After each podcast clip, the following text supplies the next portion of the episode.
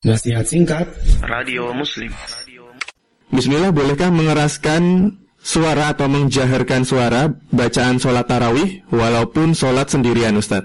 Mohon jawabannya Ustaz. Nah, boleh ya. Untuk menjaharkan atau mengeraskan suara ketika sholat e, sendiri, sholat tarawih khususnya ada diperbolehkan. Kalau bahasa tidak masalah.